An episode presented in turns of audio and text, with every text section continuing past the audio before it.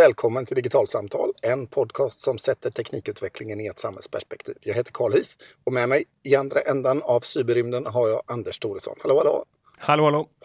Idag så ska vi prata om en trend som har pågått under en ganska lång tid men de senare åren har eh, ställts mer på sin spets och det handlar om det här med hur saker och ting som en gång i tiden var en produkt helt plötsligt har gått och blivit tjänster. Fastän vi kanske tror att det är produkter som vi har.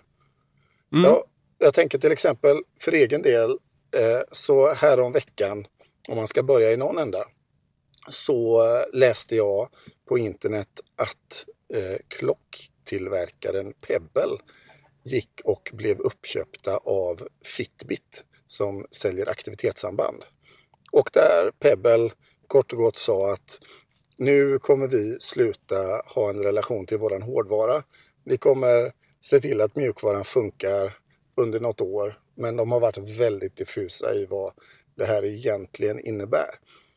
Ja, Pebble-klockor kommer, fun Pebble kommer fungera, fortsätta fungera som normalt. Inga omedelbara förändringar kommer att ske, står det i, det, i blogginlägget. Ja, där de och det är väl ändå ganska diffust.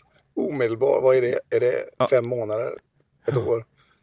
Men det, jag har ju en Pebble-klocka på min arm och har haft sedan deras första Kickstarter. Och eh, har kommit och verkligen tycka att det här är en riktigt, riktigt bra produkt. Så när jag helt plötsligt läser att min pryl som jag gått och köpt eh, inte längre kommer funka som jag har på min arm så blir jag lite ledsen i ögat får jag ju säga. Och det här är ju en, en intressant, det, det, är ju liksom just den här trenden, den här utvecklingen som, som vi tänkte prata om. Det här att, att vi tror att vi köper en produkt. Men idag är allt fler produkter uppkopplade till nätet och beroende av en molnkomponent på något sätt. I, I Pebbles fall så handlar det bland annat om en appbutik där man kan ladda ner nya eh, urtavlor och nya appar till sin smarta klocka. Men det finns säkert också andra komponenter i det här Pebble-ekosystemet som också är beroende av molntjänster som då på sikt kommer sluta fungera. Och det här innebär ju att den, den klockan som du köpte och kanske faktiskt tänkte på som en klocka, inte som en internetuppkopplad pryl. Ja, det här är... var verkligen en klocka för mig. med kan... vissa smarta funktioner. Ja, men mest en klocka. Men som jag mm. kan liksom, den har ju notifikationer och grejer och sådär. Men du har absolut rätt i att jag liksom kände att jag köpte en klocka. Jag har inte köpt en tjänst hos Pebble. Nej, och det intressanta här är ju då att, att om du hade köpt en traditionell klocka, alltså en icke uppkopplad klocka. Så, så om då, då, spelar det ingen roll vad som händer med företaget bakom den här klockan när du väl har köpt klockan. Ah, okej, okay, du kanske inte är samma tillgång till reservdelar, men alltså, om vi inte pratar om svindyra klockor så kanske det inte är aktuellt att reparera en klocka i vilket fall som helst. Men om det företaget blir uppköpt, om det går i konkurs, om det ändrar inriktning, spelar liksom ingen roll vad som händer. Din klocka kommer fortsätta fungera precis som den alltid har gjort. Och det här berör ju inte bara klockor, det berör ju alla möjliga olika typer av sammanhang. Eh, alltså alldeles för inte särskilt länge sedan så var det ett, eh, jag tror var de inte ett svenskt företag från början, Narrative. Ja, absolut, de är ett svenskt företag. De är ett svenskt företag mm. som, eh, som också hamnade lite i blåsväder kring detta. Ja, de, de gjorde en sån här lifelogging-kamera som, som tog en bild var 30 sekund. Och sen, eh, och den, den hårdvaran, den, den satte man på kroppen och så fotograferade den som hände, som hände runt omkring en. Och sen så laddades de här bilderna som man tog upp till molnet där de analyserade så att en mjukvara på egen hand valde ut vilka bilder som var de intressanta och vilka som inte var kanske så intressanta. För att hjälpa till att gallra i det här stora bild flödet, Men de fick också ekonomiska problem eh, och eh, ett tag verkade det som att den här tjänsten skulle försvinna och därmed skulle också den här eh, kameran bli inte fullt lika användbar därför att då skulle man behöva sitta och gallra en mängd bilder för hand. Sen, sen har några av grundarna eh, köpt tillbaka inkromet och så vidare så att där är det lite oklart vad som händer men det är definitivt eh, ett exempel på, på samma sak som kan hända. Och du berättar för mig om någonting som är ännu mer fascinerande, kanske när, när ett företag går in och medvetet dödar en produkt, nämligen Samsung har planer på att göra det med, med Galaxy Note 7. Ja, precis. Eh, det kan inte ha undgått särskilt många att Samsung gjorde ett totalhaveri med sin Galaxy Note 7-telefon. Eh, man kan ha hört det i flygplan sådär att har du en Galaxy Note 7 får du inte ta med den ombord och så vidare. Vad det visade sig vara det var att man hade byggt de här telefonerna på ett felaktigt sätt så att de började explodera. Eh, och de hade ganska många explosioner och då återkallade de eh, telefonerna och skickade ut nya varianter av telefonerna som visade sig också explodera. Och efter det enorma debaclet då valde man att återkalla alla Galaxy Note 7-telefoner.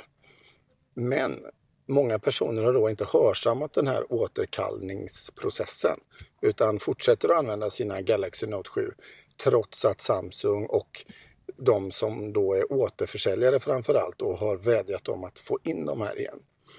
Så vad återförsäljarna tillsammans med Samsung då gör det är att man eh, skickar information till telefonerna, en slags programuppdatering på distans som på olika sätt låser ner telefonen. Och det första man har gjort på många ställen i världen det är att man har begränsat batteriets eh, funktionalitet till mellan 30 och 50 procent så att man inte får ut full kapacitet och det minskar risken då för explosioner tydligen.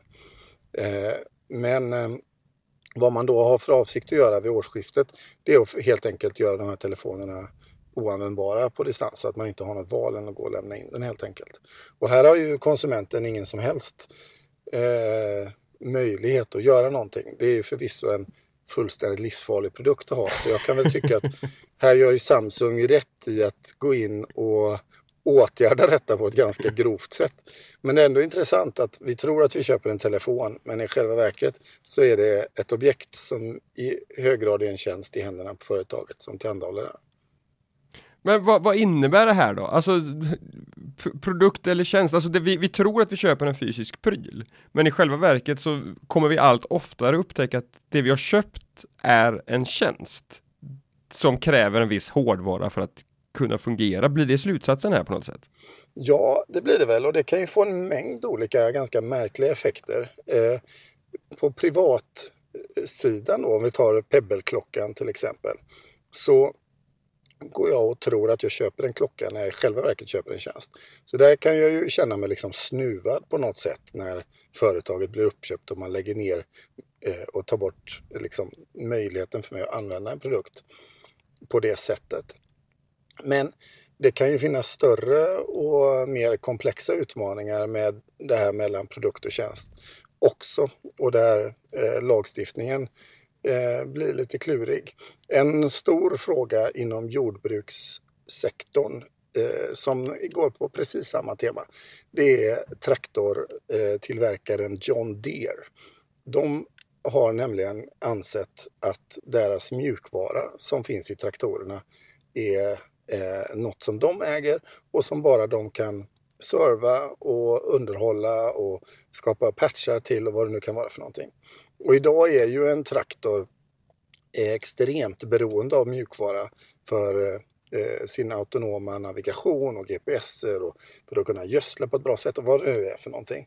Och det här gör ju någonstans att där jordbrukaren tidigare hade möjlighet att mecka och fixa och rodda med sin traktor så är de nu eh, helt och hållet i händerna på en tjänsterelation till leverantören och traktorn. Eh, och det förändrar ju så att säga hela produktens livscykel. Hur, eh, vad den kostar, vad man har för frihetsgrader och vad man kan faktiskt göra med det man köper. Och här handlar det mycket om en medvetenhetsfråga. Att medvetandegöra för konsumenten. Vad är det här för någonting? Eh, vad är det en klocka jag köper eller är det en tjänst som levererar en nätuppkopplad tidsaccessoar? Eller är det en traktor jag köper eller köper jag ett jordbrukstjänstesystem eh, på hjul? Det är ju en, det är en central och, fråga. Ja, det, det, är absolut en central fråga och, och där kan man ju tänka sig i, i John Deere-fallet då så, så får det väl vara så att antingen så får man köpa en enklare traktor som inte har alla de här finesserna och så liksom gödsla för hand då. Tänker jag. Men, men ja, alltså problemet så är ju någonstans att det är inte så enkelt. För du kan ju inte eh, du kan ju inte ha en eh, kontext där det är på det viset. För det kommer ju göra dig pro produktivitetsmässigt så att säga, helt ur marknaden. Ja, men precis. Alltså, I takt med att marknaden digitaliseras och utvecklas så behöver det ju liksom finnas där för att vara konkurrenskraftig. Så så det är ju någonting. Och i det här fallet då så var det många jordbrukare då som ville kunna köra öppen mjukvara på sina traktorer och byta ut John Deeres mjukvara till annan mjukvara. Eh, men, eh, men det här råder en rättslig eh, konflikt just nu kring de här frågorna. Vad är en traktor egentligen? Är det en tjänst som levereras eller är det en, en maskin, en produkt och som jag sen kan utöva min påverkan på? Att, att det ser ut så här, det, det, har ju massvis med olika förklaringar. En är ju att de tillverkande företagen som, som gör de här eh, produkterna snedstreck tjänsterna vill åstadkomma en inlåsningseffekt. Där man på något sätt ska, ska få in eh, konsumenterna i sitt nät och sen så ska de märka att det inte är så himla lätt att byta någonting annat. Smarta hemlösningar är ju delvis så ibland, där det, där det finns ett antal öppna standarder men där det också finns Eh, bland annat sådana här smarta uppkopplade lampor som i ganska stor utsträckning är eh, i, liksom, ja, men man, man, får köpa från tillverkare A, sen kan du inte liksom koppla in lampor från tillverkare B i samma system.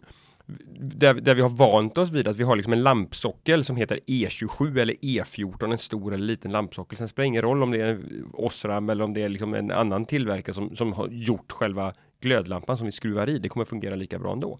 Men när vi tar steget nu till de här uppkopplade lamporna, vilket jag har ett, ett antal sådana hemma och tycker att det är liksom, ja, det är trevligt och bra. Men där det givetvis också finns en risk att det företaget, Lifex i mitt fall, när de inte existerar längre, vad händer med de här lamporna då? I Lifex fall så finns det eh, vissa former av öppna API som gör att andra, andra mjukvaror också kan användas för att, för att styra de här lamporna och det är ju dit här jag vill mena att vi behöver gå lite mer, lite oftare som konsumenter. Att, att se till att vi väljer och ställer krav på att de här produkterna som vi köper ska vara lite mer utav produkt och lite mindre utav tjänst kopplad till en viss leverantör. Att vi ska fråga efter och vilja ha och köpa prylar som är utvecklade med en öppen standard så att vem som helst kan koppla upp och styra de här sakerna eller hämta data från sensorerna eller vad det är så att de inte blir små isolerade öar utan att de blir en del utav ett öppet nätverk precis som internet är där man kan koppla ihop olika typer av saker för att styra, för att hämta information och så vidare. Om jag ska då eh, liksom sätta mig i andra ringhörnan då Mm, så skulle det. jag kunna säga att ja, men alltså det här med att saker går ifrån att vara en produkt till att bli en tjänst, det är liksom absolut inget nytt på något sätt. Vi har ju exemplet med eh, såna här stadscyklar i många städer. Där jag kanske struntar i en egen cykel och så använder jag tjänsten cykel i staden. Att gå på gym, det är också en tjänst jag köper. Eh, eller eh, ta ett annat exempel, Googles Chromebook. En fantastiskt liten bärbar dator.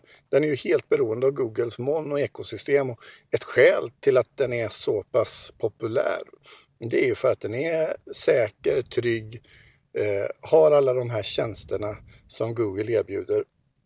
Men den är ju i princip omöjlig att använda utan internet. Den bygger ju på relationen. Ja, den, är ju, den är ju ett fönster till nätet.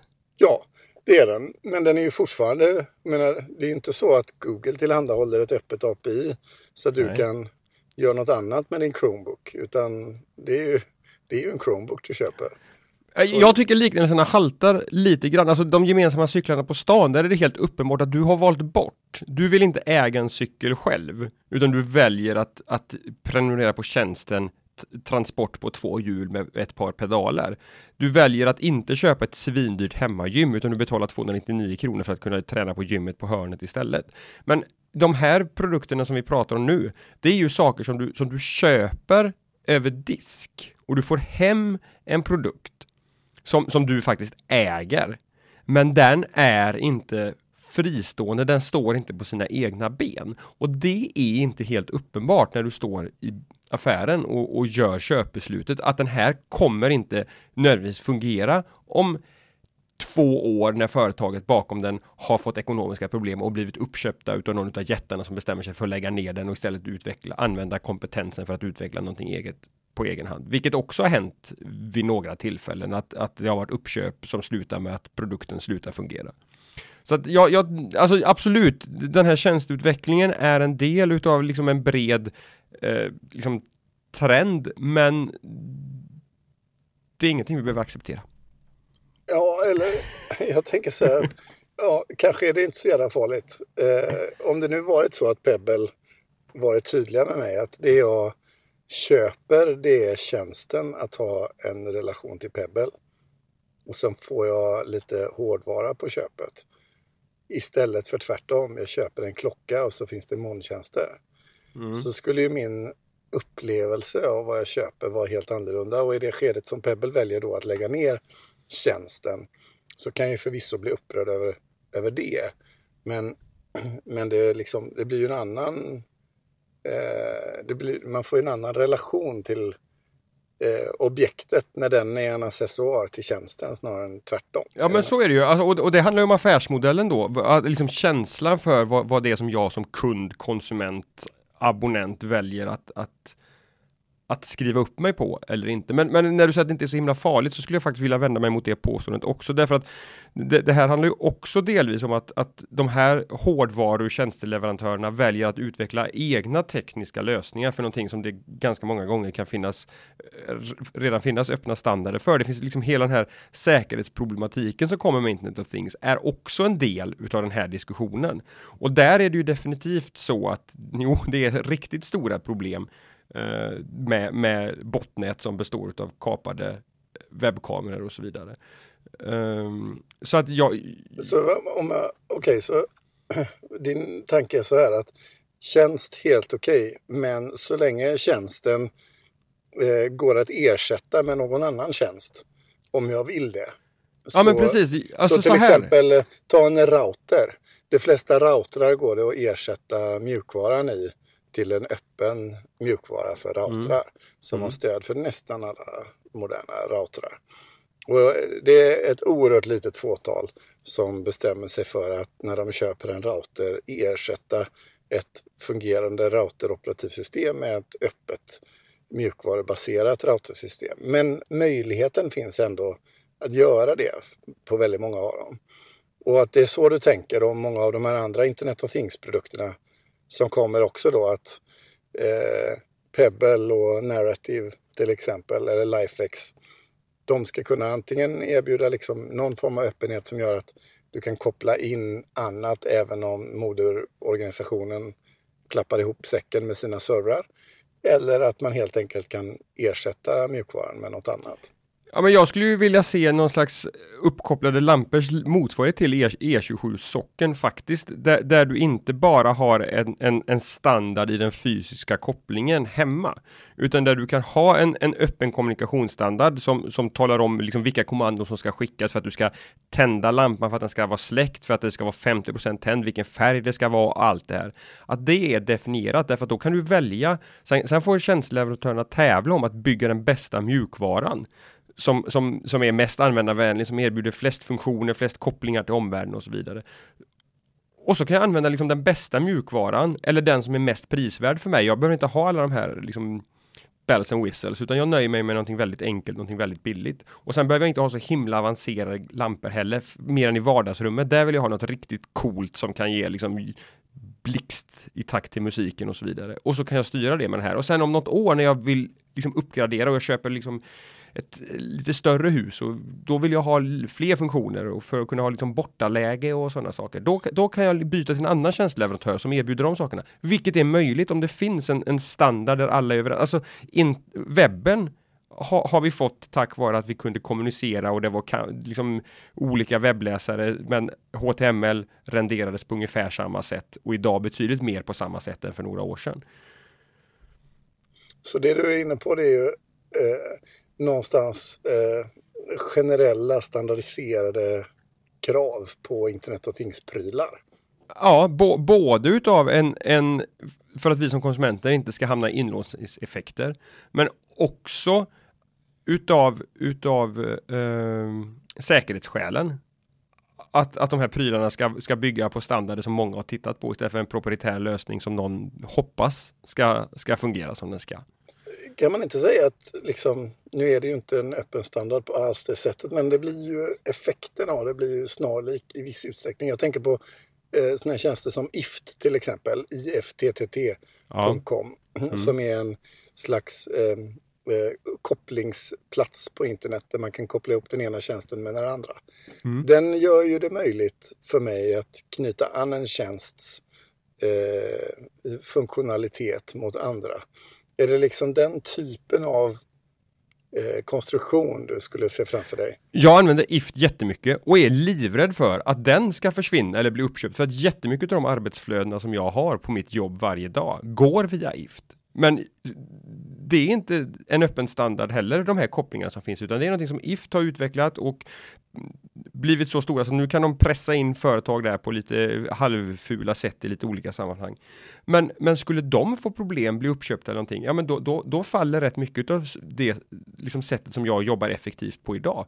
Och där skulle jag hellre vilja se att det fanns en, en också en, en tjänstekonkurrens, att man kom överens om att så här kommunicerar vi med den typen av shittjänster eller vad vi ska kalla dem för som kopplar ihop olika funktioner. Så kan jag välja om jag vill använda IFT eller AFT eller BAFT eller TIFT och så väljer jag den som är bäst. Alltså jag tänker lite grann, är inte problemet här lite grann att vi upplever att produkter har en viss typ av livscykel medan tjänster och mjukvara har en annan livscykel. Att det som är mjukvara, det går väldigt mycket fortare och tjänster har en kortare tillfällighet i sin interaktion än vad det innebär när jag köper en mojäng. Jo, så och är det ju. Att jag har en förväntanshorisont på en mojäng att den ska hålla en viss tid. Men är det då så att jag helt enkelt bara ska gilla läget att mina IoT-prylar som jag köper de håller lika länge som mjukvaran funkar och så är det liksom högre slit och slängnivå på det. Helt enkelt. Det känns jättemodernt i förhållande till växthuseffekt och allt annat som handlar om att vi ska liksom konsumera på ett mer förståndigt och, och energieffektivt ja, sätt. Men för nu är de ju lite grann designade på det sättet. Om man ska hårdra det hela så blir det ju liksom i efterhandens kranka blekhet uppenbart att Pebble-klockan är inte mer långvarig än vad dess mjukvara underhålls. Nej. Även om hårdvaran mycket väl skulle funka i tio år till. Nej, och det är ju helt bisarrt egentligen. Ja, det är lite märkligt. Det, är ju, det, det får man, ju, man kan ju hoppas på att de gör ett öppet mjukvaruprojekt av Pebben eh, på slutet så att man själv kan vara med och underhålla sin klocka. Ja. Uh, och, och, men, men, men, och, men kopplat till det så finns ju också det här då som, som är eh, som, som, Samsung gör med Galaxy Note. Nu, nu dödar de den här produkten för att den faktiskt är farlig. Och där kan jag tycka att det, det är väl ett ansvarstagande som jag tycker liksom att Samsung ska ha all heder för att de gör. Att har man nu valt att inte lämna in sin telefon, att de ser till att den inte går att använda längre och, och tvinga fram ett sånt byte. Men det här tror jag också är någonting som man mycket väl kan tänkas få se i större utsträckning framöver. Att, att produkter helt enkelt stängs av medvetet. Ja. Därför att, ja okej, okay, alltså så här, de, de kommer inte förstöra produkten så att den inte går att starta, men vi tycker inte att den här första generationens hårdvara lever upp till våra krav längre, så att vi kapar kopplingarna till, till våran server med dem. Vill du fortsätta använda den här tjänsten så behöver du uppgradera till, till, till version 2. Alltså det händer ju redan idag i väldigt många sammanhang, det är bara att man kanske inte tänker på det för att liksom ställtiderna är lite längre. Men jag menar, eh, häromveckan så gick man ut och sa att det sista leverar, liksom tillverkaren av VHS-kassetter klappade ihop eh, häromveckan. Så nu finns det inga VHS-kassetter att köpa. Nej. Och det är vi ju kanske inte superledsna över, de allra flesta av oss idag. För vi har inte liksom en relation till VHS-kassetter just nu. Men för 20 år sedan hade vi det. Och, så det, för mig handlar det ju mycket om liksom tidshorisonterna någonstans. Vad är min förväntade tidshorisont på en pryl som jag har. Och när ersätts den och på vilket sätt kan den ersättas av någon annan? Jag kan ju tycka det är lite sorgligt när data låses in eh, så att man inte kan återvända till ett innehåll som en konsekvens av att ett företag lägger ner en tjänst. Ett exempel på det är ju ifrån eh, till exempel vissa typer av onlinebaserade datorspel. Eh, framförallt sådana här massiv multiplayer-spel där vissa människor har umgåtts i en värld under väldigt lång tid och sen helt plötsligt så lägger man företaget ner den här världen och så försvinner ju allt som den världen har innehållit. Eh, och för många så kanske det var liksom den platsen, vilket liksom man träffade vänner och man har minnen kopplade till och så vidare. Och sen en vacker dag så är det tack och hej. Och det är ju någonstans självklart kan man väl tycka att det är klart att ett företag måste överleva och får de inte in pengar så lägger de ner tjänsten. Det är inte konstigare än så. Men, eh, men konsekvenserna av eh, just när digitala tjänster försvinner kan få ganska stora liksom, ja, relationella upplevelsekonsekvenser. Jag ska se till att länka till ett eh, poddavsnitt som behandlar just eh, jordens undergång i en massiv multiplayer-värld som ett fantastiskt radioavsnitt där man får titta in och höra de sista skälvande minuterna av en värld som försvinner på grund av att mjukvaran helt enkelt stängs av. Det låter ju jättedramatiskt, men, men där tycker jag ändå att där är man så långt åt det hållet som, som du är inne på, nämligen det här att man är medveten om att mjukvara på något sätt har den här typen av utav, utav livscykler. Och jag har inte köpt en fysisk artefakt, jag har, har någonting att hålla i handen som jag förväntar mig Alltså det handlar ju också om det här att, att någonting som jag kan gå till affären, köpa och ta med mig hem. Vi har faktiskt en bild utav att då kan jag också bestämma hur, antingen använder den här prylen tills dess att den fysiskt faller isär. Det har vi liksom lärt oss acceptera, att det finns liksom en, en, en ja, en, en bortre gräns för hur länge en, en pryl håller ihop. Eller tills dess att Men du tänker vill... att liksom när din smarta dörr inte längre går att öppna för att företaget har klappat igen?